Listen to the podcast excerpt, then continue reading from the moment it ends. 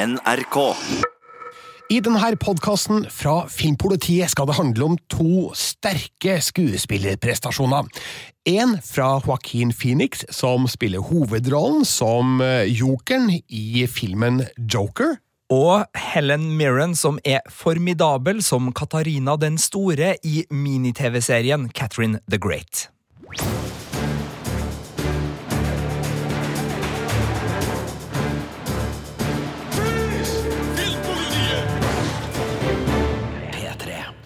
I studio i dag Birger Vestmo, Og Sigurd Vik. og vi skal aller først snakke om Joker, filmen som hadde sin urpremiere under filmfestivalen i Venezia i august, og som nå har verdenspremiere også i Norge.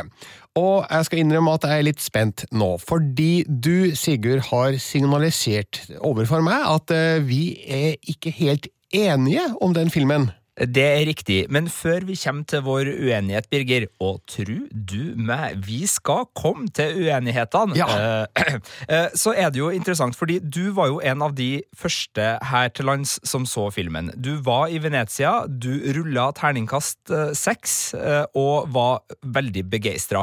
Nå har jo den øvrige norske presse også fått sett filmen og kommet med sine reaksjoner. og, og og Hva tenker du om, om at reaksjonene er litt splitta? For her går det fra terningkast seks, og vi er ikke de eneste som har gitt terningkast seks. Ja. I hvert fall ned på, på treeren. Nei, nå er det sånn at uh, vi filmkritikere forsøker å la være å kommentere hverandres anmeldelser. Ok, ok. uh, man, Men- men- men man, rak, man rakker ikke ned på gode kolleger. Nei, omformulering av spørsmålet. Altså, overrasker det, seg, overrasker det deg at dette er en eh, film som eh, får kritikere til å gå i litt ulike retninger? Ikke egentlig, fordi det er en film som har sine utfordringer, eller som rettere sagt setter publikum eh, på visse utfordrende situasjoner, og eh, den er kontroversiell, ingen tvil om det, og jeg har jo lagt merke til at noen har eh, reagert på visse ting ved filmen som jeg mener er feil å rakke ned på. Fordi, som eh, den legendariske filmkritikeren Roger Ebert eh, sa, eller skrev en gang, som jeg har fulgt eh, veldig nøye, er at It's not what a movie is about, but how it is about it. Eh, Så det eh, tenker jeg er mm, en årsak til at jeg stiller meg litt undrende til noen av de kritikkene som Joker har fått. Eh, Men det er jo jeg som sitter med fasiten, selvfølgelig. Terningkast seks-fasiten er Ja. det du som sitter med, og, og hvorfor er The Joker en terningkast seks-film? Det er først og fremst på grunn av eh, Joaquin Phoenix, som gjør en helt utrolig god hovedrolle her, som Joker. Eh, For de som ennå ikke har fått det med seg, så er jo det her opprinnelseshistorien til Batmans fremtidige nemesis i Gotham City.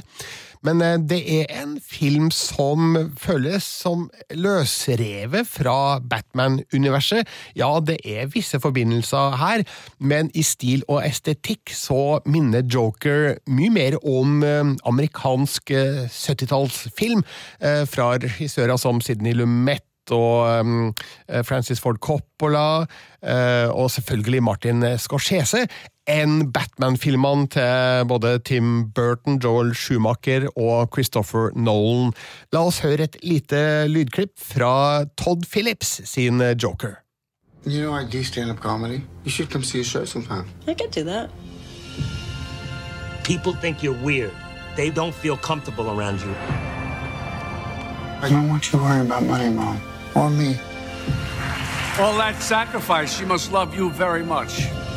She always tells me to smile and put on a happy face. You're so funny, Arthur. Som sagt, det her er jo en opprinnelseshistorie, og um, det har man jo blitt fortalt før i Joker-sammenheng, men um, her har um, Todd Phillips og medmanusforfatter Scott Silver laga sin versjon, der visse ting minner om tidligere opprinnelseshistorier fra Joker, men eh, det er ikke helt likt. Altså, Vi befinner oss i Gotham City, sånn cirka rundt 1981, sannsynligvis, og øh, hovedpersonen her er Arthur Fleck, spilt av Joaquin Phoenix. Han bor hjemme hos mora si. Han jobber på dagtid som selskapsklovn, mens på kveldstid så forsøker han å etablere seg som standup-komiker.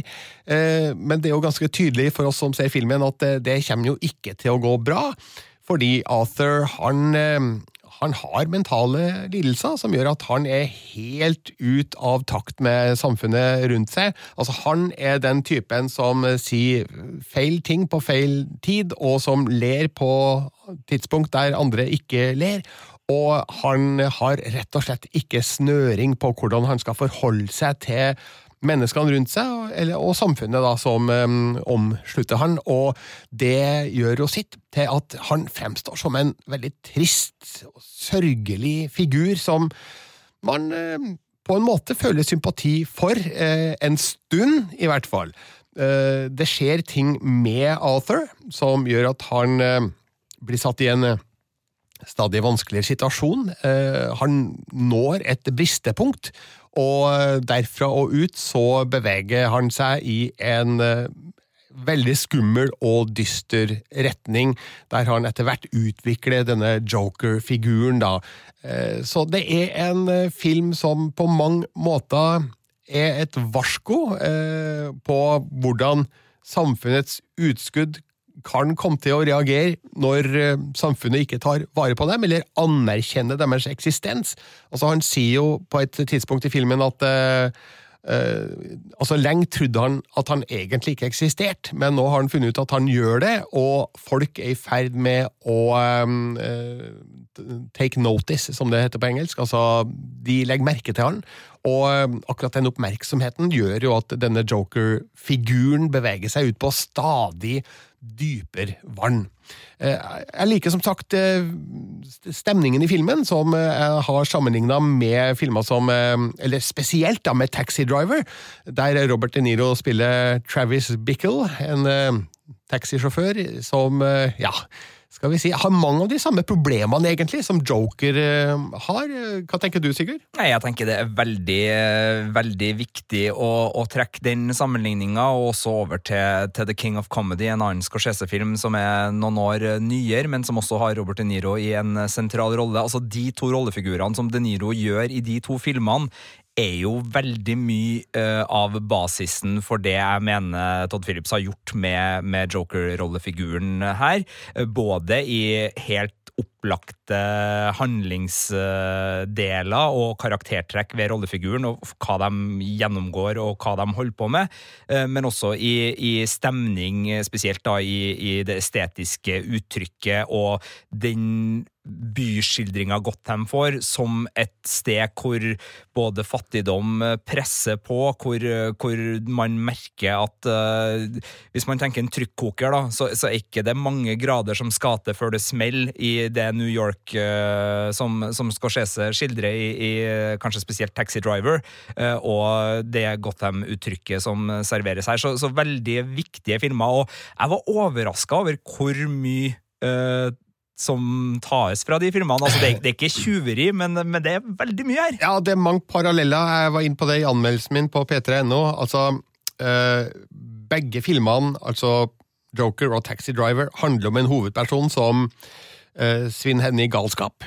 Uh, begge blir betatt av en eh, kvinne og gjør fremstøt som muligens ikke er veldig smart. Eh, begge anskaffer seg håndvåpen. Begge begår drap. eh, og eh, de simulerer skyting mot tinningen med pekefinger og langfinger. Altså, det er ting som er lånt rett ifra Taxi Driver her. Og det har jeg sett at eh, Todd Phillips har fått litt kritikk for av enkelte, fordi at han da låner ting, men det reagerer ikke jeg på fordi Eh, snakk litt med Quentin Tarantino om det, da. Altså, det fins mange, mange, mange eksempler på store filmskapere som har lånt åpenlyst fra andre, og jeg ser ikke noe feil i at det, det dras paralleller til både Taxi Driver og King of Comedy. Eh, I sistnevnte så øh, spiller jo Robert Niro mot øh, Jerry Lewis, øh, sistnevnte som da talkshow-vert. Og det samme skjer jo i Joker, der De Niro er talkshow-verten da som på en måte blir skal vi si, kontakta av Arthur Fleck, eh, skråstrek Joker. Og eh, det, det syns jeg er mer morsomt enn eh, irriterende at Todd Phillips har valgt å dra inn noen filmhistoriske trekk for å fortelle den historien. Jeg syns det fungerer veldig bra. jeg. Ja, jeg syns også den biten er helt innafor. Jeg har også lagt merke til at noen eh, syns at det blir, blir å lene seg veldig mye på, på kjempers uh, skuldre, men uh, nei, jeg syns det sitter. Og så syns jeg det at Robert De Niro er med i denne filmen, uh, gjør det enda mm. greier, fordi det er to De Niro-figurer som da ligger til ja. grunn for Joaquin Phoenix sin rollefigur, og han har på en måte da blitt flytta opp, oppgradert om du vil, til den rollen han sjøl spilte ja. imot da i, i, King of Comedy. Så, så alt det der, det, helt greit. Det må jo bety at eh, Robert De Niro går, går god for um, dette, ikke tjuveriet, men uh, låneriet, går det an å si det? Ja, og hvis De Niro går god for det, så går vel Scorsese god for det òg, gjør ikke det, Birger? Det vil jeg anta, uten at jeg har lagt merke til om Scorsese har sagt noe eh, om uh, Joker. Han er vel ganske opptatt med å um, promotere The, The Irishman for tida, hans nye Netflix-film. Men bare for å si det helt klart og tydelig. Joker er Joaquin Phoenix sin film.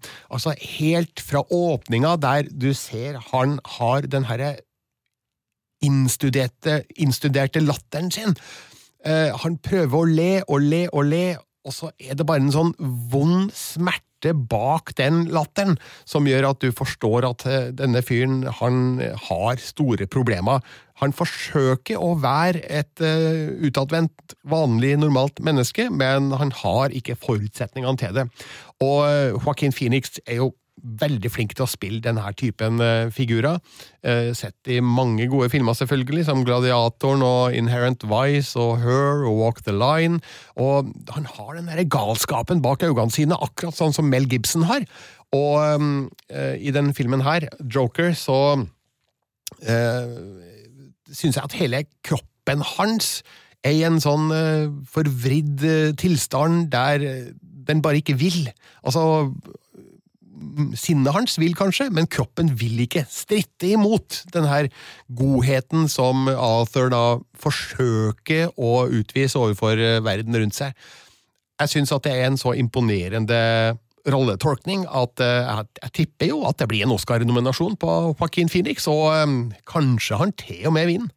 Ja, jeg tror også han har putta seg sjøl i en veldig god posisjon i, i, så måte, og det er jo liten tvil om at det her er, eh, er Altså, Joker har jo blitt fordi den har blitt spilt så godt før, en slags, eh, ikke svenneprøve, men altså det har blitt en rollefigur som det er litt ekstra viktig å gjøre god, da. Fordi Jack Nicholson har gjort den så god, og ikke minst da Heath Ledger gjorde den så god. Eh, så har Jared Leto også vært eh, innom her, ja, men, det har det, det, og det har han. Det var kanskje litt mer ordinær, den vinklinga, men altså, det gjør jo noe med at forventningene til en standalone Joker-film blir voldsom, og når man i tillegg da henter inn Joaquin Phoenix, som har, som du var inne på, i hvert fall en to-tre roller tidligere som har vært veldig sånn ja, han kan spille uh, sånne type mennesker som er på, på utsida, og som har en helt sånn spesiell type bagasje. Uh, og da er det jo uh, herlig å ikke bare se at Joaquin Phoenix mestrer uh, en rollefigur som ikke gjør skam på, på joker-tradisjon, men at han også klarer å gjøre den så annerledes enn de som har vært før. Ja. Fordi det er jo noen karaktertrekk her som må på plass når det gjelder klovnesminke, smil og en del ja, ikke catchphrases, men altså han skal til en viss plass. da. Og, og, det å se at Joaquin Phoenix gjør det så med egenart, det, det gleder meg stort. Ja, hans Joker er jo et mye mer menneske enn det Heath Ledger og Jack Nicholsons versjoner var.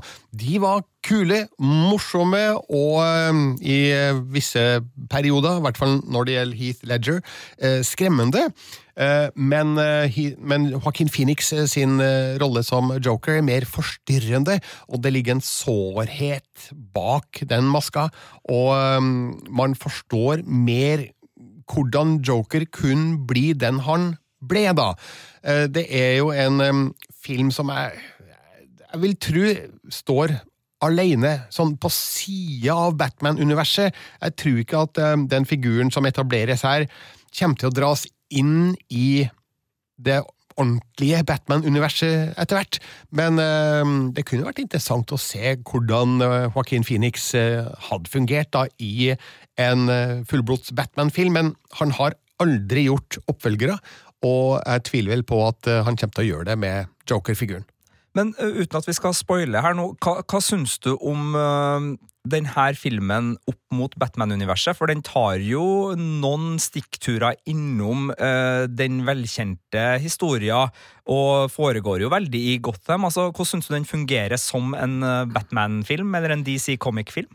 Eh, Det kommer litt an på hva du mener med fungerer godt, fordi eh, som sagt, altså, den står litt på sida av eh, det etablerte universet, og føles ikke som en, eh, en del av det, sjøl om vi har visse forbindelser her, både med byen og med noen figurer som vi møter underveis, så tenker jeg at eh, filmen står støtt på egne bein, men eh, den, føles nok litt fremmed da i det store Batman-universet, og jeg tenker at eh, det er greit. Det, det fungerer uansett. Det, det trenger ikke å være en film som må passe inn i forma, og mm, det gjør meg ingenting at eh, denne filmen ikke blir referert til i senere Batman-filmer. Jeg syns det er greit at de har laga en standalone film som ikke nødvendigvis trenger å overlappe det kjente universet mer enn eh, den gjør da i visse scener i filmen.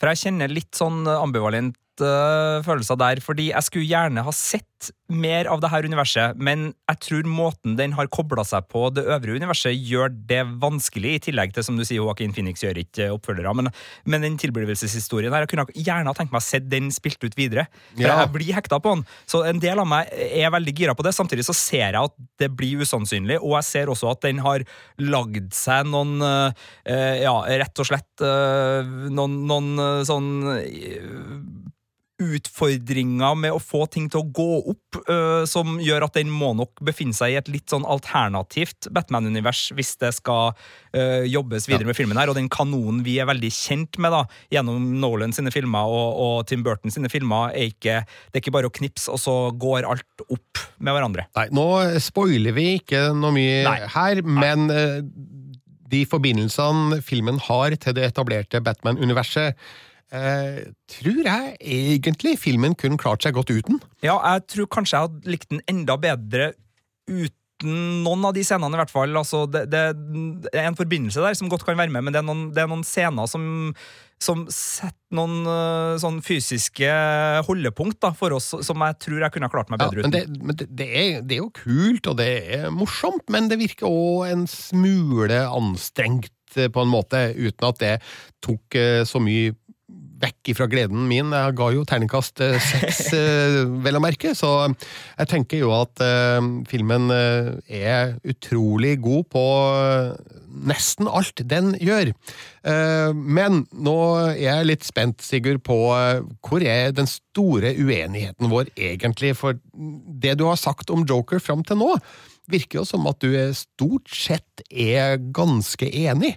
Ja, øh, og om det er en stor uenighet eller ikke, vil jo vise. Jeg har, jeg har notert meg noen spørsmål underveis når jeg så den filmen her som jeg tenkte var interessant å diskutere med deg, øh, og jeg er ikke uenig i at det her er en veldig god film. Jeg hadde kanskje havna øh, om ikke på sekseren, så, så kanskje på femmeren. Det, det, det, det er ikke så farlig, det, men den har en del ting som jeg syns er eh, interessant å diskutere. Og det som er min største innvending mot filmen, er at jeg syns den er veldig forutsigbar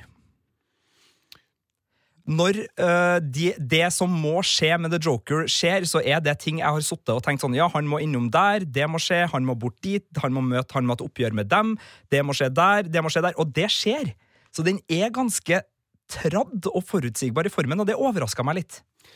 Det tenkte ikke jeg på da Nei. jeg så filmen, eh, må jeg innrømme. Eh, forutsigbarhet er jo en ganske vanlig egenskap ved mange filmer, og jeg skal ikke se bort ifra at også Joker har eh, et snev av det, men det var ingenting jeg satt og irriterte meg over da jeg så filmen. Jeg følte at jeg var med på en for å si det med en floskel, en reise. Altså mm, en, et ganske troverdig portrett av Joker-figuren, eh, som jo er rotfesta i eh, en eh, slags opphøyd virkelighet, da, i et Gotham City 1981, prega av korrupsjon, kriminalitet, det er søppelstreik i byen, og det er jo, den er jo skutt i New York for det meste, og har jo et veldig troverdig utgangspunkt der.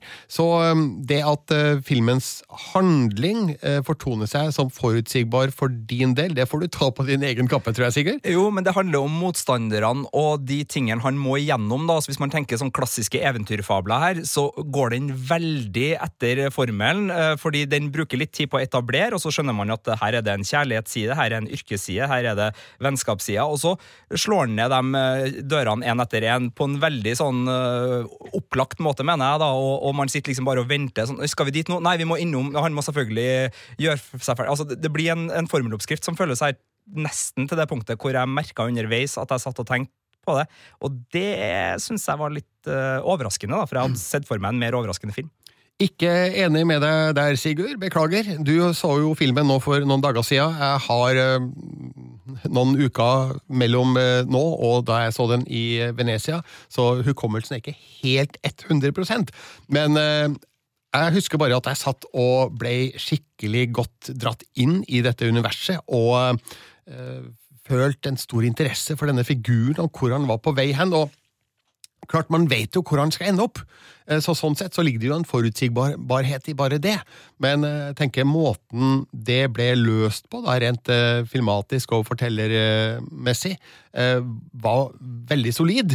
Og um, følte ikke at det ble så forutsigbart underveis, sånn som du antyder, da, men jeg får bare ja, godta at meningene er delte da om akkurat det. Og så er det et problem for meg nå, for, for å diskutere det her ordentlig, så må man jo komme med eksempler, og kommer man med eksempler, så spoiler man jo, og vi skal jo ikke spoile, så det her blir jo selvfølgelig eh, difference of opinion, eh, og, og så får vi sett her. Men eh, det er en det, Filmen har også noen, noen, noen ting som foregår oppi hodet til The Joker, kan vi vel si. Det går an å si. Og dem syns jeg også ble løst med varierende hell. Hvis det går an å si. Altså, jeg syns den ene biten eh, fungerte veldig bra, og så syns jeg den andre biten eh, ikke fungert så veldig bra. Og det her er vanskelig å diskutere når jeg ikke er mer presis når jeg ser det på Birger. Ja, jeg vet ikke helt om vi kan snakke så mye mer om akkurat. Vi det, kan ikke. men, Vi kan ikke. ehm, Men- men på, den, og- på, ja. på den ene biten, Ja. der er det noe flashback-grep som uh, filmen nok kun har klart seg uten. Ja. Men uh, vel den, den er ikke ufeilbarlig, og de fleste terningkast seks-filmer har ting man kan innvende. Flawed masterpiece er et flott uttrykk, syns jeg. Et uh, flawed masterpiece, og det, det er det nok, det her. Men jeg skal teste en ting på deg, fordi filmen eh, har jo fått litt kritikk i USA, spesielt fordi um, noen er redde for at eh, filmen eh, er et eh, opprop for de som føler de tilhører incel-kategorien.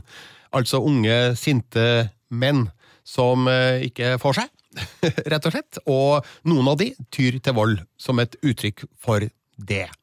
Hva tenker du? Nei, jeg tenker at jeg skjønner de innvendingene, fordi det er to ting som er annerledes enn jeg kanskje skulle ha Eller som jeg tenker at som er et valg Todd Phillips har gjort, som kunne ha vært gjort annerledes. Det ene er hvem er fiendene Eller hvem er fiendebildene til uh, The Joker opp igjennom.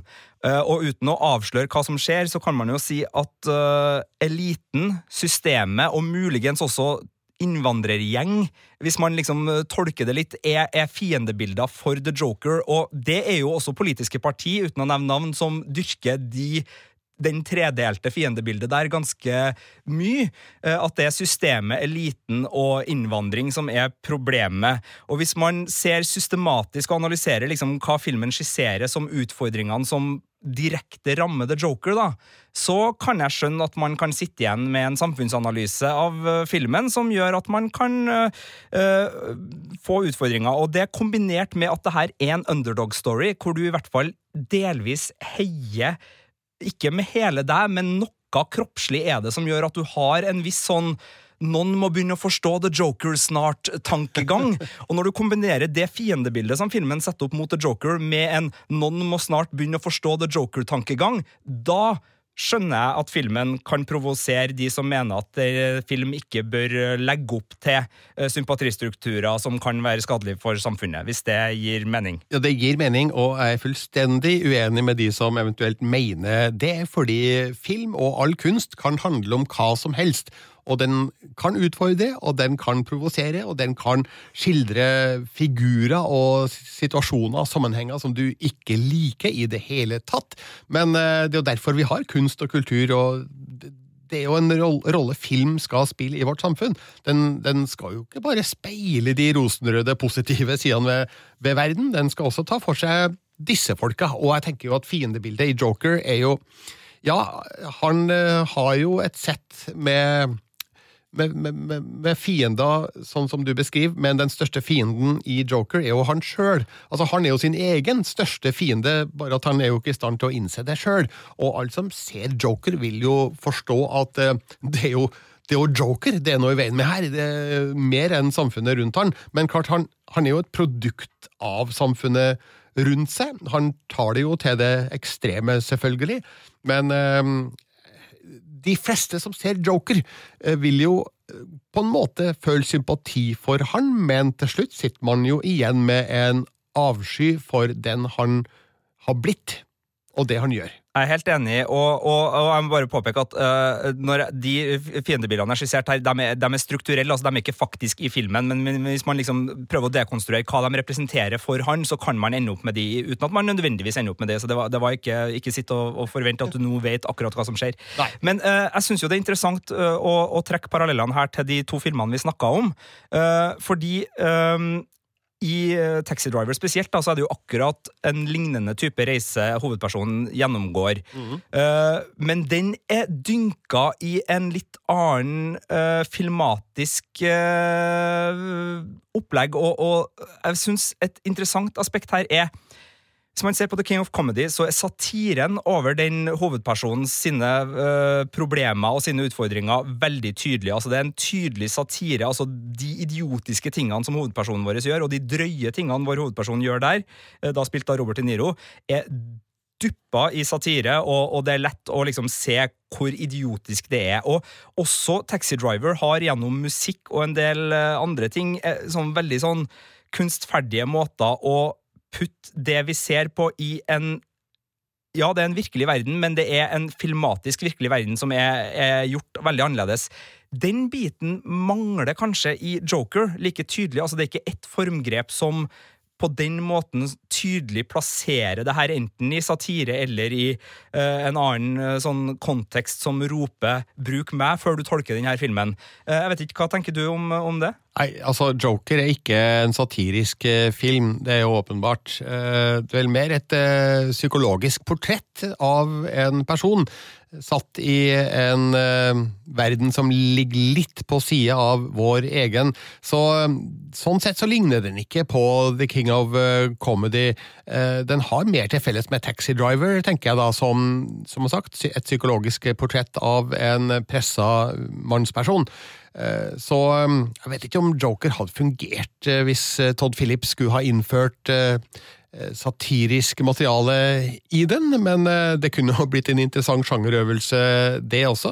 Ja, Nå har jo han vært ute og fått litt fot i, i munnen på Twitter denne uka ved at han har sagt at han har gått bort fra komedia fordi at det er ikke mulig å lage komedie i disse woke tider. Noe som et par regissørkollegaer, blant annet regissøren bak um, Du, du, du tenker på Taika Waititi. Jeg tenker på Taika Waititi, som har øh, øh, gjort en liten bemerkning på at det skal da vel kanskje være fullt mulig. Men, øh, men nei, det er ikke en komedie. Du har rett i det. Og, og satiren er Om den er der, så er den veldig vanskelig å, å få tak på, i hvert fall. Sjøl om det, hadde vært øh, interessant å ta en liten komparativ analyse mellom øh, The King of Comedy og Joker i så henseende, for han gjør jo veldig mye av det samme.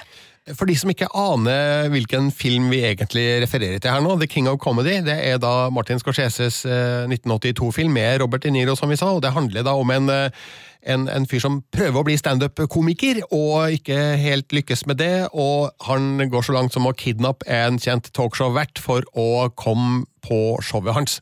Eh, Det er utgangspunktet da for The King of Comedy, og ja, det er jo visse paralleller til den historien selvfølgelig da, også i Joker, uten at vi skal si hva det er, men det er åpenbart en film som eh, er inspirert ganske tungt da, av de to filmene spesielt, som vi har eh, nevnt, og jeg kan trekke inn andre 70-tallsregissører som eh, William Friedkin og Sidney Lumet også. Eh, Hvis man har sett filmer fra, fra, fra dem, så mm, kan man kjenne igjen en del trekk da fra eh, Joker, som da er mer sånn, sånn gritty 70-tallsdrama i form og innhold, og et ganske langt steg unna den fargerike 80-talls-Batman, i hvert fall. Ja. Skal jeg stille deg et spørsmål som signaliserer at vi er ferdig med å snakke om The Joker nå, Birger? Det kan du gjøre. Eh, Midtveis i filmen eh, så er det en scene hvor kameraet plutselig begynner å bevege på seg som om det er et håndholdt kamera. Det varer i fem sekunder, og det er et stilgrep jeg ikke så noen andre plasser i filmen. Beit du deg merke i? det? Jeg husker det ikke. Nei, for da tenkte jeg hva i all verdens blikk er det regissøren ønsker at jeg skal ha akkurat her? Eh, og så skjedde ikke igjen, så jeg ble bare sittende igjen som et spørsmålstegn. Men dere som ser den, eh, dere kan se etter det. Eh, jeg tror det er en kjøkkenscene. Eh, følg med på kamera. Det Gjør gjør, noe litt Gjør merkelig det. der. Men kom dere på kino og se Joker. Det er litt av en opplevelse. Eh, Den er, den er forstyrrende. Eh, Den er av og til morsom. Det er mye sort humor her, og galgenhumor, og du får Joaquin Phoenix i en helt utrolig sterk hovedrolle, med en innlevelse av en eh, annen verden. Og eh, som sagt, eh, Oscar-pris det kan hende at det går Joaquin Phoenix sin vei. Han blir i hvert fall garantert nominert.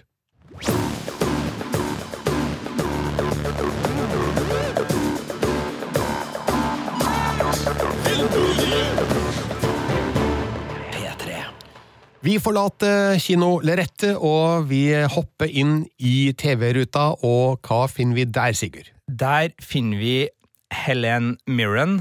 Dame Helen Mirren, er det det man sier om adla personer i Storbritannia? En eh, skuespiller som har eh, et ja, en anselig rekke rojale roller hun har gjort veldig godt, blant annet sørga for at hun har vunnet Oscar. Eh, Denne gangen så beveger hun seg bort fra det britiske kongehuset eh, og over til det russiske, eh, hvor hun da spiller Katarina den store, keiserinne av Russland, i miniserien Catherine the Great. Do you know who I am? I have survived in a world that does not want me. When I first came here from Germany, I did not even speak the language. She's a very clever and well read woman. But I fell in love with this country. Its passion. She loves a lot of things, a lot of men. Ja, Helen Mirren er jo kjent da fra flere rojale roller, som du sa, Sigurd. Eh, Kanskje aller mest The Queen fra 2006. Og nå er det altså da Catherine the Great. Og hva kan du si om den serien?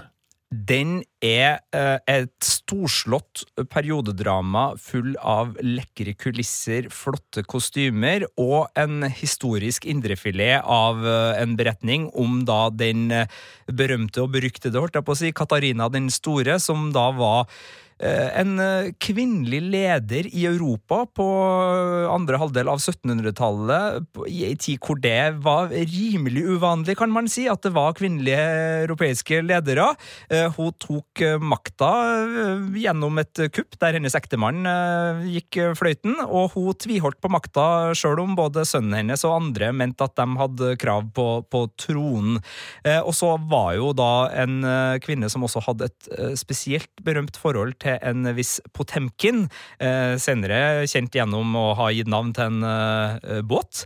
Men eh, En panserkrysser? en panserkrysser med navn Potemkin, det er helt riktig. Men Potemkin var da en militær leder som sørga for at Russland gjorde det godt på slagmarken, spesielt da mot Midtøsten og, og mot Tyrkia.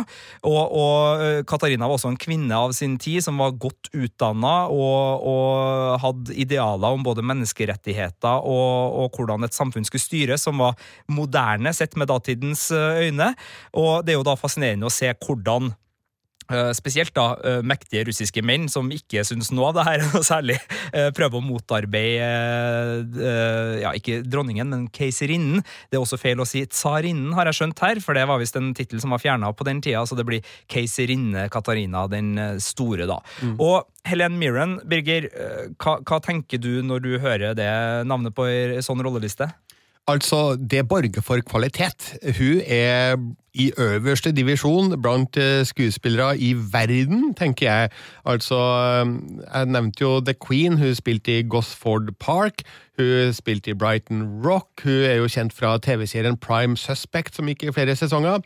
Hun spilte jo da i miniserien om Elisabeth den første. Eh, hun er en veteran som uh, har holdt det gående i flere tiår med store roller på rekke og rad. Så da tenker jeg at ja, men det her er jeg interessert i. Uh, hvis Helen Mirren står øverst på rollelista, så tenker jeg at det må borge for en viss kvalitet. Og det gjør det. Eh, det er ingen tvil om at de uh, scenene som har Helen Mirren i seg, er sånne scener som oser av karisma, og jeg vil si og nå er jeg litt usikker på om, uh, hvordan du tolker meg hvis jeg sier eh, skuespillerteknisk finesse. Ja, nei, jeg skjønner jo hva du mener. Altså, mm, har man um, en rolle i et stort kostymedrama, så trenger man finesse for å nå ut gjennom kostymene. Ja, og med ei munnvikvridning eller et blikk, så sier eh, Helen Mirren så mye om hva Katarina den store mener om rommet hun er i, at det er rett og slett en fryd å, å se på. Så, så, så skuespillerprestasjonen og den rollefiguren i seg sjøl er helt fantastisk, og gjør at alle som elsker den type serier og filmer som vi her skisserer, altså storslåtte historiske periodedrama, eh, kan trygt gå løs på denne godbiten som da ligger ute med første episode på, på HBO Nordic nå. Men det er også en serie som fordi andre serier innenfor sjangeren har gjort det så bra i det siste, så blir den nesten litt sånn overfladisk. Fordi uh, her er det ikke så mye som skjer under overflata. altså Dybden mangler. altså Philip Martin er, er regissør her, har jobba på The Crown, og The Crown er absolutt en serie å, å trekke paralleller til her. Eh, og så er det her skrevet av uh, Nigel Williams, som også da skrev uh, Elizabeth the First-serien, som Helen Mirren spilte hovedrollen i, i 2005. Men de er ikke gode nok på å aktivisere befolkning og ha den historiske innsikten som gjør det her til et historisk drama som fenger mer enn bare på overflata. Altså, man, man får ikke en smak av hva det her faktisk øh, betydde, hva hun faktisk sto opp mot. Altså, øh, Persongalleriet rundt øh, Catherine the Great blir redusert til nesten klisjeer. Altså, Hun har en udugelig sønn som for all del ikke må få makta. Hun har noen forsmådde elskere som også er militærledere, som for all del ikke må få makta. Og så er liksom uh, Tyrkia bare et land som hun må forhandle med når det trengs for spenningens skyld. Altså, Det blir ikke gripende, uh, det som, som, foregår der. Og, og, som historisk drama så blir den uh, Altså, den er god, men den er ordinær. Blir det for stivt og formelt? Og, og tradisjonelt? Ja, altså Tradisjonelt som TV-seriedrama er, det en det utfordring. Fordi uh, man har blitt så godt vant, f.eks. da The Crown, som bruker så mye tid på å bygge opp uh, rollefigurene og omgivelsene deres, at når det skjer noe dramatisk med dem, så får vi, så skyller hele viktigheten innover oss, og vi blir virkelig uh, tatt med. Altså En rollefigur som Winston Churchill i første sesongen av The Crown kunne uh, hadde i denne serien blitt en sånn bifigur som bare hadde dukka opp med sigaren, hans mest karikerte trekk, og sagt et par ting og forsvunnet. Mens i The Crown så får vi liksom virkelig et innblikk i hva er som driver han. Uh, hvordan ble han den personen han ble? Altså, Den type utbrodering fins ikke her, og det gjør at man sitter igjen med en litt sånn smak av en fattigere serie. Den er også bare på fire episoder, fire timer totalt, og foregår egentlig bare i ja, det er ganske mange år den strekker over, men altså den foregår etter at Katarina den store har fått makta, og viser oss ikke noe om den unge jenta med tyske aner som uh, brevkorresponderte med Voltaire, og som var den tenkeren som ble den tenkeren som klarte å ta trona. Uh, og det sånne mangler å gjøre at jeg sitter her og blir egentlig mer irritert over ting jeg ikke får innblikk i, enn det jeg får servert, i hvert fall i perioder av serien. Det siste kostymedramaet jeg så, må vel ha vært The Favourite, tror jeg, som ga terningkast seks, og ment var ja, eh, en av de beste filmene jeg har sett det siste året. Eh, den beit jo skikkelig fra seg. Eh, hadde det vært bedre om eh, Katarina the Great eh, hadde hatt litt mer bitt. Ja, men det er artig at du sier det, for den har en del av The Favourite i seg. Altså ikke den samme eh, visuelle kreativiteten og, og spenstigheten, og heller ikke den samme humoren og, og bitende replikken. Men uh, du vet alle disse scenene i The Favourite hvor de uh, walk and talk uh, i sånne lange korridorer i, i palasset. Ja. Dem er det mange av, der Helen Mirren og har jo et litt utsvevende seksualliv som, som skildres her, og har noen gode venninner, så, så det er ganske mye av The Favourite i, i perioder her. Og det er også en del humor, for Helen Mirren på sitt erkebritiske vis er selvfølgelig vittig. Og det er litt snedig, for det her er jo en serie om en russisk dronning, men den føles som en skildring av det britiske kongehus.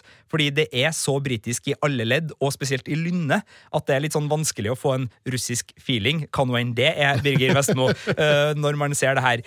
Men eh, Alt i alt så er det en uh, solid uh, serie som begeistrer i det visuelle. Altså Her er det noen scener både i palass og spesielt til sjøs som er så stemningsfull og full av pomp og prakt, og disse frakkene som Potemkin blant annet har på seg, en sånn pelsfrakk, og alle kostymene som, som Katarina har, er jo sånn at du blir bare sittende med, med litt sånn lett hakeslepp.